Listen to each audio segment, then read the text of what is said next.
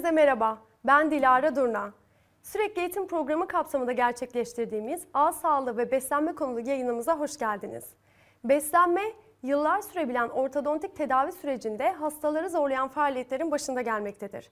Ortodontik tedavi sürecinde belirli beslenme kurallarına uyulması sayesinde hem tedavinin sonuçları kısalmakta hem de tedavinin sonuçlarının stabil kalması kolaylaşmaktadır.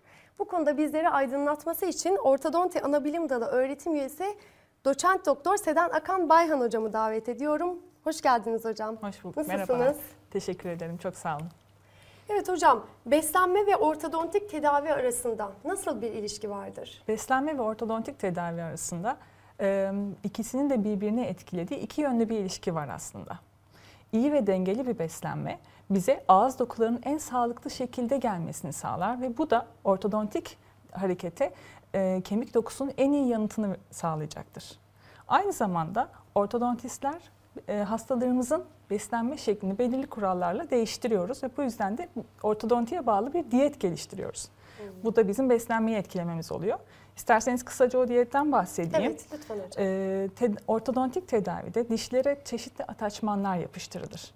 Ve bu ataçmanların kırılmaması için, e, dişlerde kalabilmesi, tellerimizin eğilmemesi için hastalarımıza kıtır çıtır olan yiyeceklerin yenmesini kısıtlıyoruz.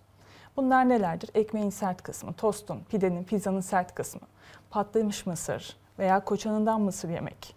Ee, çok önemli olacak şekilde asitli içeceklerin içilmesi kesinlikle istemiyoruz. Ee, çekirdekli meyvelerin e, kiraz gibi, erik gibi çekirdeklerini dışarıda çıkarıp o şekilde ağızlarına almasını istiyoruz. Ee, elma gibi me- taze meyvelerin kesilerek, bıçakla küçültülerek o şekilde ağza alınmasını istiyoruz. Özellikle yine söylüyoruz kuru yemişler, kabuklu yiyecekler, fındık, fıstık, leblebi, ceviz gibi dövülerek yoğurdun içerisine veya başka yiyeceklerin salatanın üzerine konarak yenmesini tercih ediyoruz. Evet, hastalarımızın sıkça sormuş olduğu sorulardan biri buydu. Evet. Ee, açıkladınız, teşekkür ederim. Bir de hocam diş telimiz varken sakız çiğneyebilir miyiz?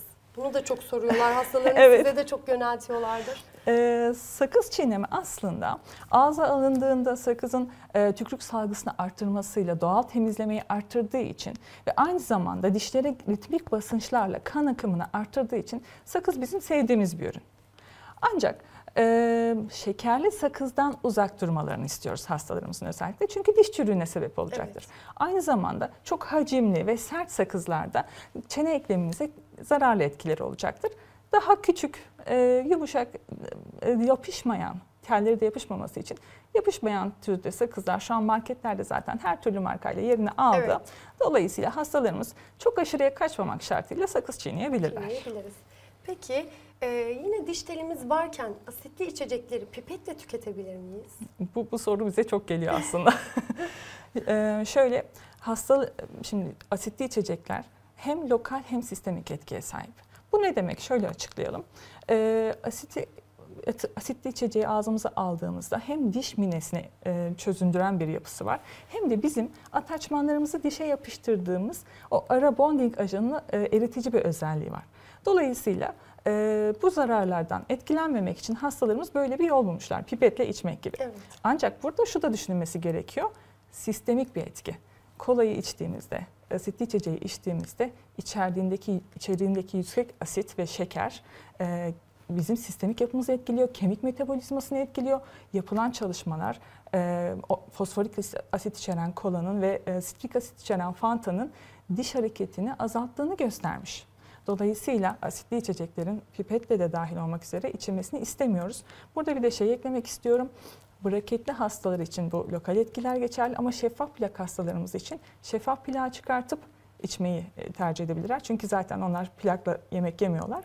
Ama yine sistemik etkiden etkilenecekler ve diş hareketleri etkilenecek. O yüzden asitli içecekleri olabildiğince e, kullanmamayı tercih ediyoruz. Evet, bu konuda da bizleri aydınlattınız. Peki ortodontik tedaviyle diyette yapılan değişikliğin metabolizmamız üzerinde bir etkisi var mıdır? Ee, şöyle ki aslında biz e, kısıtladığımız yiyeceklerle hastalarımızı daha sağlıklı beslenmeye yaklaştırıyoruz. Yani asitli içeceklerin ve çok şekerli yiyeceklerin yenmemesi güzel bir şey. Ancak e, şu da var, bu kısıtladığımız kuru yemişler, fındık, fıstık, ceviz gibi ve taze meyve ve sebzelerin hastalarımızın e, tedavinin özellikle ilk günlerinde yaşadığı hassasiyetten dolayı sert yiyeceklerden, sebzelerden ve e, taze meyvelerden kaçınması dolayısıyla e, belirli bir etki oluyor. E, yapılan çalışmalarda yine e, ortodontik tedavi sürecinde alınan besinlerde e, en önemli değişikliğin bakır ve manganez alımının da kısıtlanma olarak gözlenmiş. Bu ne demek? Şöyle ki e, bu yiyecekler kuru yemişlerde var. Özellikle fındıkta ve e, taze sebze ve meyvelerde var. Hastalarımız bunu azalttığı için bakır ve manganez düşüyor. Bakır e, hemoglobin yapımında etkili. E, demirin, e, kırmızı kan hücrelerinin yapımı için de, demirin kan, e, kemik iğne taşımasında etkili. Aynı zamanda e, kemikte de bulunan kolajen liflerin çapraz bağlanmasında etkili.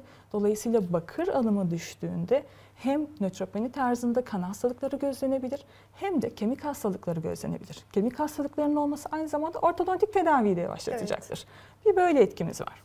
Manganez ise yine enerji ve protein metabolizmasında görev alan bir element.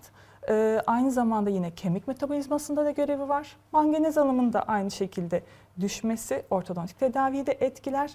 Ee, bu nedenle hiçbir zaman bu besinleri tamamen kısıtlamayı tercih etmiyoruz. Onun yerine hani tüm olarak ağza atmak yerine döverek yemelerini tercih ederiz hastalarımızın. Peki beslenme şeklinin ortodontik tedavinin başarısına ya da sonuçlarına bir etkisi var mıdır? Bakır ve manganezin e, diş hareketine olan etkilerini zaten az önce konuştuk. Bunun yanında çeşitli vitaminlerimiz var. D vitamini e, hem güneşten hem besinlerden alıyoruz D vitaminini ve kemik kalsiyum metabolizmasında etkili bir vitamin. E, eğer D vitamini alımı etkilenirse kemik metabolizması etkileneceği için ortodontik diş hareketi yavaşlayabilir, kök erimeleri gözleyebiliriz. Bu nedenle D vitamini çok önemli. Aynı zamanda C vitamini. C vitamini de e, kolajen oluşumunda etkili bir vitamin. Periodontal liflerimizde kolajen var. E, eğer C vitamini alımı düşerse de diş hareketinden sonra e, periodontal liflerin kendini yenilemesi gereken süreçte yenilemeyeceklerdir ve e, nükslerle karşılaşabiliriz. E, yine aynı şekilde e, hastalarımız kalsiyumdan zengin beslenmeleri gerekiyor. Eğer kalsiyum alımı, diyetle alınan kalsiyum düşerse paratiroid hormon devreye girecek ve kemikten kalsiyum alacaktır. Burada yine e, kök erimeleri gözlenebilir, diş hareketinde etkilenme gözlenebilir. Diyetimizi dengeli bir şekilde e, sürdürmekte fayda var ortodontik tedavi boyunca. Peki ortodontik tedavi sürecinde diş çürüğü riskini artıran yiyecekler nelerdir hocam? Ağız pH'sını düşürerek asidik ortam oluşturan bütün yiyecekler e, ortodontik tedavide de diş çürüğünü artıracaktır. Bunlar nelerdir? Daha çok şekerli yiyeceklerdir. Şekerli e, ve diş e, brakete yapışan yiyeceklerdir. Çünkü braket hiçbir zaman e, dişi çürütmez. Sadece retentif alan oluşturur. Yiyeceklerin tutunabileceği fazladan alan oluşturduğu için hastalarımız eğer şekerlemeli, yapışkan şekerli, lokum e, gibi e, yiyecekler çok fazla tüketirlerse temizlemeleri zor olacağı için diş çürümeleri fazla olacaktır. Yine asitli içecekleri zaten söyledik. Evet. E, bu tür yiyeceklerden uzak durmaları gerekiyor. Peki diş çürüğü riskini azaltan yiyeceklerden de biraz bahsedebilir misiniz? Tabii ki. E, diş çürüğünün aynı şekilde ağız pH'sını yükselterek e, ortamda bakterin bakterilerin şeker yoluyla oluşturduğu asidi nötralize eden yiyecekler de bizim için sağlıklı yiyecekler oluyor. Bunların en başında ne var? Su. Su içimi çok önemli. Aynı şekilde doğal maden suları e, daha bazik olduğu için oldukça sevdiğimiz besinlerdir, içeceklerdir. E, ve yine en sevdiğimiz besinlerden bir tanesi peynir. Peynir hem e, kazein e, proteini içerdiği için, çürük önleyici kazein proteini içerdiği için, hem ağız pH'sını yükselttiği için, e, hem de e, bol kalsiyum ve fosfat içerdiği için e, oldukça faydalı besinlerden oluyor. Yine aynı şekilde hastalarımıza e, yumurta, et, süt, e, baklagiller gibi proteinden ağırlıklı beslenmeyi e, tercih etmelerini istiyoruz. E, diş çürüğünden e, kaçınmak için. Ee, bir de bizim çok sevdiğimiz bir içeceğimiz var çay.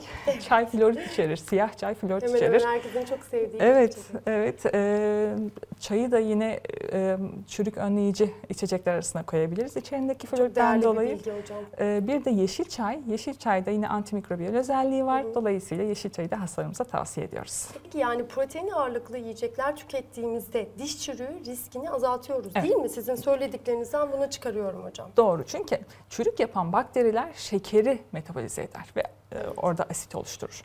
Proteinden bu asit oluşturamayacakları için kesinlikle diş çürüğün açısından daha az zararlı. Peki kefir veya probiyotikli yoğurt tüketiminin ortodontik tedavi üzerine bir etkisi var mı hocam?